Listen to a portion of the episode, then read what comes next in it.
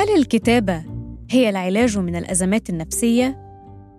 آه ربما الكتابة ساعدتني أنه أنا دائما عندي مشروع كتابة مشروع حلم مشروع كتابة. في أمريكا أكثر من 200 دراسة توصلت إلى أن الكتابة تساعد على تحسين الصحة النفسية للبشر.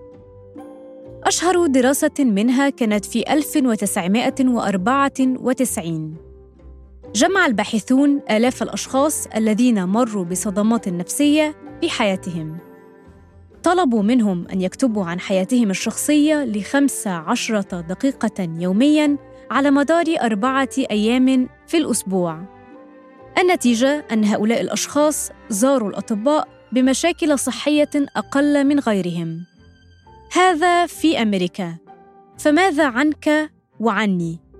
وماذا لو كنت عراقياً؟ أما لو بقينا نفكر فقط عما حصل وما عشناه في العراق أكيد مكاننا الحقيقي آه، مستشفى الأمراض العقلية. في عام 2007 أجرت منظمة الصحة العالمية دراسة واسعة في العراق. قابل باحثوها أكثر من أربعة آلاف شخص. تبين أن نوبات الاكتئاب الشديد شائعة بين العراقيين. وفي نظرة حديثة أكثر في 2020 قالت منظمة أطباء بلا حدود إن مستويات القلق في محافظة الموصل وصلت 70% أما الاكتئاب فطال 20% من السكان.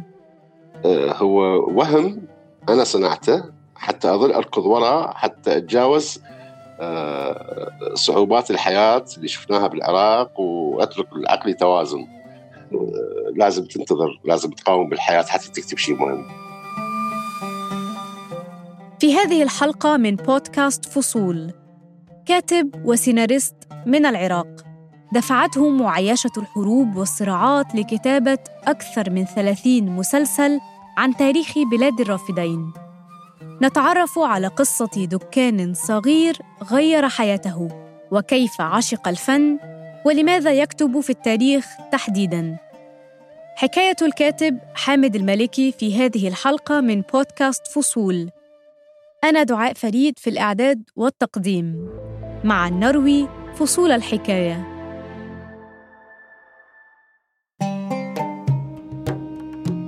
والله أنا من عائلة بسيطة يعني والدي فلاح أو من عائلة فلاحة هاجر إلى إلى محافظة بابل الحلة الآن في جنوب بغداد اللي فيها آثار بابل العظيمة.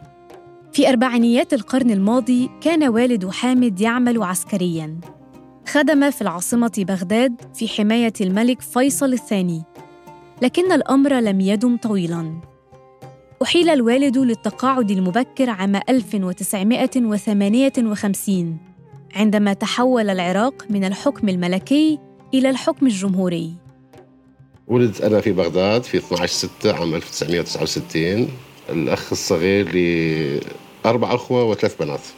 من طفولتي أتذكر أشياء كثيرة. أتذكر أنه يعني المعلمات في مدرستي الابتدائية شاهدوني منطوي على نفسي كثيرا منعزل أمشي وحدي بساحة الطلبة. أتذكر هذا الكائن الصغير شعره فلافي. أتذكر يمشي وحده بساحة الطلاب. الطلاب يلعبون ألعاب الطفولة يعني. فوضعوني في صف خاص بطلاب أذكياء جدا وطلاب أغبياء جدا. أنا أعتقد كنت من الصف الثاني. كانت بغداد مدينة أخرى مختلفة. المدينة يعني أنا أتذكرها من الطفولة كانت صغيرة مدينة بغداد. ما بها هذا الكم الهائل من المهاجرين. بغداد في السبعينات كانت أجمل أجمل بكثير. صغيرة كانت المدينة. لكنها كانت مشرعة النوافذ على العالم. أخوي علي الآن فنان بيحب السينما فكان مثل يأخذني لدور العرض السينمائية ونشوف عادة الأفلام الكاوبوي رعاة البقرة يعني الأمريكية. من أرجع حديقة بيتنا كبيرة يعني من أرجع أسوي القوس والسهم مال هنود الحمر. وأبدي أمثل بالحديقة ما شاهدته بالفيلم. أنا ما كنت أدري إنه إخواني وخواتي كانوا بيتفرجوا علي من وراء الستارة وبيضحكوا علي يعني. وأتذكر من شفت فيلم الرسالة للراحل مصطفى العقاد أتذكر عام 77 آه، من رجعت جمعت أصدقائي وبديت أمثل لهم آه، يعني مشاهد وحشي بالرمح. عشق حامد السينما وعالم الخيال منذ طفولته لكن الواقع لم يكن هينا. كنت طفل انطوائي حقيقة رغم أن الحياة الطفولة اللي عشتها أنا وعاشها أقراني ما كانت هادئة لأنه أنا كان عمري 11 آه، سنة صارت الحرب العراقية الإيرانية اللي استمرت ثمان سنوات فعندما ألعب أنا بالحديقة مال البيت أو بالمنطقة مع الصبية إحنا نسمع صوت الغارات الجوية والقصف الجوي. على هذه الأنغام وعلى رائحة البارود والدم آه، نشأت طفولتنا. الوسيلة الوحيدة للهروب الفن والقراءة. مكتبة أثرت عليها في البيت. هي مكتبة والدي ومكتبة إخواني. مكتبة بسيطة يعني مش كبيرة. هاي المكتبة هي اللي خلتني يعني فضولي خلاني أقلب الكتب. فلقيت أمهات الكتب بها الروايات والأشعار و... وبديت أقرأ. بعد الجيش افتتح والد حامد دكانا صغيرا. كان أبناؤه يساعدونه في إدارة المحل الصغير. هذا الدكان تحديداً كان له في حياة حامد أثر الفراشة. يعني كنت أضوج أنقهر أنه أروح المحل. الدنيا كانت حارة وما فيش أجهزة تبريد مثل الآن. كنت أساعده فترات الظهر أقرأ حتى أقضي الوقت الممل آه، أقرأ. فاكتشفت علي الوردي العالم الاجتماعي العراقي المهم في هذه الدكان الصغيرة. قرأ حامد في تاريخ العراق وفي تركيبة المجتمع العراقي اجتماعياً. كل هذه المعرفة تكونت لديه في سن مبكرة وساعدته لاحقاً.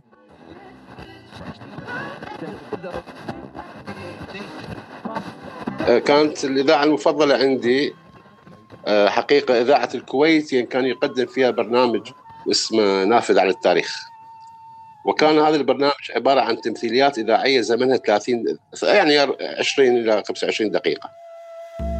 الحاضر غرس الماضي والمستقبل جني الحاضر والتاريخ سجل الزمن. نافذ على التاريخ كنت يعني مدمن على سماعه يوميا كان تقريبا بعد الساعة الرابعة ظهرا عصرا يبث. كلما أشرقت الشمس هتف القلب للقلب صباح الخير. صباح الخير. وكنت أسمع إذاعة لبنان أيضا كانت بها تمثيليات حلوة، كانت بها مسرحيات غنائية، وكان التقاط إذاعة لبنان صعب جدا فاخترعت أنتن يعني أريال إلى أن حصلت على إشارة جيدة وأقضي ظهرا المحل هذا يكون فارغ أما قراءة أو سماع تمثيليات أو سماع نافذ على التاريخ. فكان إلى هذا الدكان الصغير كان له أثر كبير في نشأتي ككاتب جدا. دكان صغير ومذياع وفنان يحبو في طريق المعرفة. لكنه هذا المحل يعني أعتبره كلية كلية المعرفة وليس كلية الفنون الجميلة. والمذياع الكبير القديم هو اللي خلاني أعشق الفن الموسيقى الغناء السماع الذكي الكتابة القراءة البحث في تاريخ بغداد. وكان لابد لكل هذه المعرفة أن تتجسد في الفن. عمري 12 سنة بالسادس ابتدائي كتبت وأخرجت مسرحية. قدمناها إحنا يعني ثلاث طلاب. قدمناها في يوم اجتماع الآباء. وبعدها بسنوات قليلة في المدرسة بدأ يكتب القصص. إلى أن في يوم من الأيام صارت مسابقة قصة قصيرة على مستوى ثانويات العراق فطلب مني مدرس اللغة العربية اللي هو ناقد طلبوا مني أن أشارك بالمسابقة وشاركت وأخذت المركز الثالث بالقصة القصيرة. كل هذا الاطلاع قراءة وكتابة وأفلاما وإذاعة خلق حلم حامد بدراسة السينما. فكان معدلي من تخرجت 86 معدل عالي جدا في ذلك الوقت يأهلني الدخول إلى الهندسة فعندما سألني أبي الله يرحمه وين راح تروح؟ قلت له أروح سينما فلا هنا أنا الأمور تغيرت يعني عصب كثير إنه شنو مستقبل السينما؟ شنو مستقبل الفن؟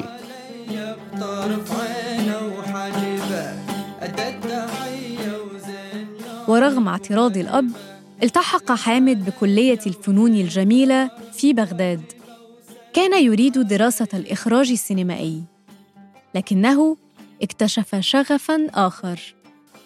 رحت الكلية وكان مع أستاذنا جعفر علي الله يرحمه اللي أسس قسم السينما في كلية الفنون الجميلة وهو من المخرجين الرواد في العراق. آه، طلب من عندنا كان جانا درس السيناريو طلب من عندنا أول درس إحنا كل شيء بنعرف بالسيناريو. قال باكر كل واحد يكتب لي مشهد ويجي. شنو مشهد إحنا ما نعرف يعني. أنا سويت بحث على كم كتاب عندي عن السينما وعرفت شنو المشهد وكتبت مشهد فوزع الأوراق للطلاب. أنا ورقتي آخر واحدة يعني. أنا صحني آخر واحد. أنت شو تريد تصير جاي تدرس كلية فنون جميلة. قلت له أدرس اخراج سينمائي. قال لا. أنت تصير كاتب سيناريو مهم. غيرت النصيحة حياة حامد. المسلسل الأول كتب السيناريو قبل التخرج. وبعد التخرج شارك في كتابة مسلسلات وأعمال تلفزيونية عدة داخل العراق وخارجه. أنت تخطط لشيء تجد نفسك تذهب إلى شيء آخر فيه نجاح أكثر. المسلسل الأول الذي أنتج بالفعل مسلسل اللاهثون عام 1998 في الفترة ذاتها كتب حامد العديد من السيناريوهات التي أنتجت لاحقاً.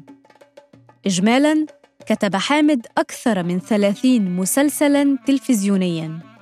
وكل هذه الأعمال كان بينها رابط واحد مشترك.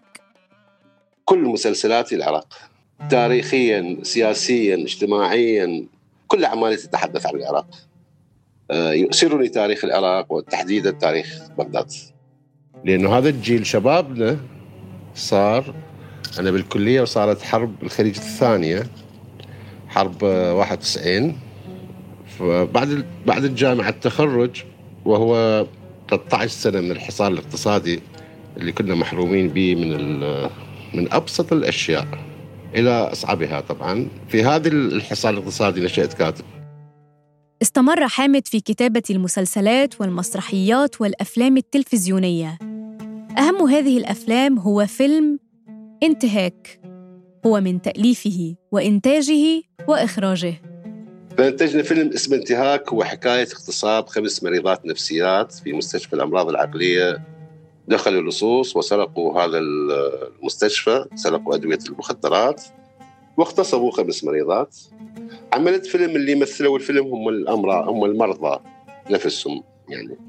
كانوا ممثلين بالفيلم وحصلت بي وهذا شرف لي وأنا المخرج العراقي الوحيد الذي يحمل هذه الجائزة آه، جائزة أفضل مخرج من مهرجان القاهرة للإذاعة والتلفزيون الحادي عشر عام 2005 وبالتوازي مع ذلك كانت لحامد المالكي تجارب صحفية عدة. في عام 2003 شارك في تأسيس صحيفة اسمها الاستقلال لكنها لم تستمر لأسباب مادية. بعدها أسس مجلة مع وزارة الدفاع العراقية اسمها بلادي. هذه المجلة غيرت هي أيضاً حياة حامد. هدد تنظيم القاعدة حامد المالكي وزميله بالاسم لعملهما مع وزارة الدفاع العراقية. بعدها بأسبوعين قتل زميل حامد وسائقه. أمام حامد الآن خيار وحيد. في تلك الفترة 2006 غاية 2008 كان الهروب من العراق حكمة. أنت المواطن الأعزل البسيط تواجه عدو يقتلك على الهوية إن كان اسمك حيدر أو عمر. قرر الهجره بعائلته كليا.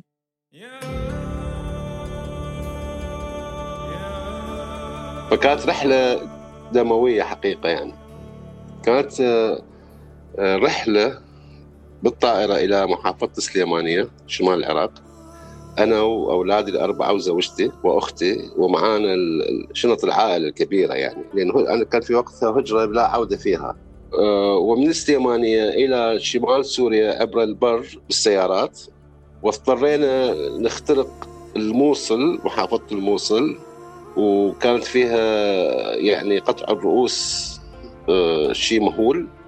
بالطريق أنا شفت رؤوس مقطعة فخليت اطفالي ينزلوا رأسهم حتى ما يشوفون إلى أن وصلت معبر ربيعة ودخلت واستقريت في شمال آه، سوريا في منطقة الحسكة.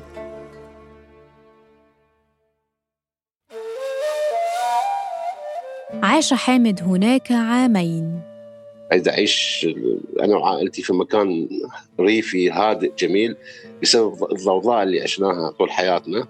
وأروح إلى دمشق مرة كل أربع شهور كانت الطريق ثمان ساعات بالبر بين الحسكه ودمشق. حتى تابع أعمالي أو شغلي يعني. لكنه رغم ذلك لم يكن بعيدا عن العراق. غروبا اصعد إلى السطح.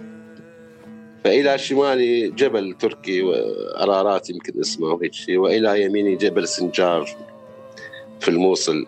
أقرب مهاجر سور إلى سوريا أقرب واحد أنا إلى العراق إنه أصعد بالسطح أشوف جبل سنجار. آه، أريد يبقى عندي رابط ولو بصري بيني وبين بلدي. وحتى في ذلك الوقت لم ينقطع حامد عن الكتابة. كانت وسيلته للبقاء. خمس أعمال من أجمل ما كتبت. ومن أصدق ما كتبت. ومن أكثر الأعمال التي أسأل عنها إلى اليوم إن كان في جزء ثاني هي الأعمال اللي كتبتها أنا في الحسك بعدها بعامين عاد حامد بعائلته إلى بغداد ورجع وحيدا إلى دمشق. بقي هناك حتى 2011 إلى أن اندلعت الأزمة والحرب. فاضطر إلى الانتقال مجددا إلى بيروت هذه المرة وبعدها بسنوات قليلة عاد إلى العراق. صار عندي من إذا أخرج من بغداد ليوم أو يومين آه، أشعر بالغربة. صار منطقيا الآن الرابط المشترك بين كل المسلسلات التي كتبها حامد وعلاقتها بتاريخ العراق. ارتبطت محطات حياته بفصول فارقة في التاريخ العراقي. حتى الكتب التي تأثر بها مرتبطة بالتاريخ. آه، يمكن أنا أكثر واحد كتب مسلسلات عن تاريخ بغداد. بل أكيد أنا أكثر واحد كتبت. ومن هاجرت إلى سوريا كان الكتاب الوحيد اللي أخذته معي هو لمحات اجتماعية من تاريخ العراق المعاصر. السبعة سبعة أجزاء هذه الكتب هذا الكتاب. تاريخ الدولة العراقية من ما قبل الاحتلال البريطاني 1914 وما قبله وصولا إلى 1927 لكنه تناول التاريخ من وجهة نظر اجتماعية. علمني كيف أفكر بالمجتمع اللي أعيش به أعظم كتاب يخليني أشعر تفاهة كل منجز ينجز الإنسان بالحياة وبتفاهة الحياة نفسها. وبنفس الوقت أحصل عليه على متعة معرفية باللغة والأدب والفصاحة. واعتبره آه، علاج مضاد للاكتئاب هو كتاب نهج البلاغة للإمام علي. وفي الخمسين صفحة جديدة ومختلفة. الخمسين أنا أعتبره هذا العمر أعتبره جسر. ما ما عشناه وما سنعيشه يوثق حامد المالكي هذه التجربة الحياتية التي عاشها في كتاب الحياة قبل الخمسين. لا تبحث عنه في المكتبات. هذا الكتاب لم ينشر بعد. والسبب في وجهة نظر حامد هي القيود التي يقول إنها تكبل الكتاب في المنطقة العربية. وهو آه، قيد حقيقي آه، ملفوف على إيد الكاتب العربي اللي هو قيد التابو الثلاثي المعروف الجنس والدين والسياسة. آه الأعمال العربية حتى الرواية منها. آه وصراعاتها متكررة وأزمات أبطالها متكررة.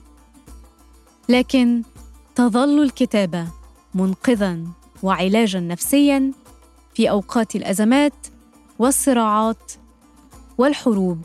المقاومة من أجل البقاء. آه ربما الكتابة ساعدتني إنه أنا دائما عندي مشروع كتابة مشروع حلم مشروع كتابة. ربما هذا المشروع اللي الذي لحد أنا لم أنجزه دائما أقول ويا نفسي أنت لم تنجز المشروع. حتى أبقى أحلم دعاء إنه حامد كن متوازن من أجل مشروع الكتابة تركه وراك أقول أنا عندي حلم إنه أكتب شيء عظيم. أنا أستمر بالكتابة ما راح يطلع شيء عظيم. كتابة عادية زي أي كتابة. لكن دائما آه، آه، اعزي النفس أو آه، لازم تنتظر لازم تقاوم بالحياة حتى تكتب شيء مهم. بالنسبة أن أتحدث عن المجتمع العراقي حروب حربين إرهاب مستمر إلى اليوم. ترى هذا الخراب وما تركه في نفسيتك أنت كإنسان. فتحمد الله وتشكره إنك وصلت إلى الخمسين. كانت هذه فصولا من قصة الكاتب العراقي حامد المالكي. أنا دعاء فريد في الإعداد والتقديم وهذا بودكاست فصول. نروي معا فصول الحكاية.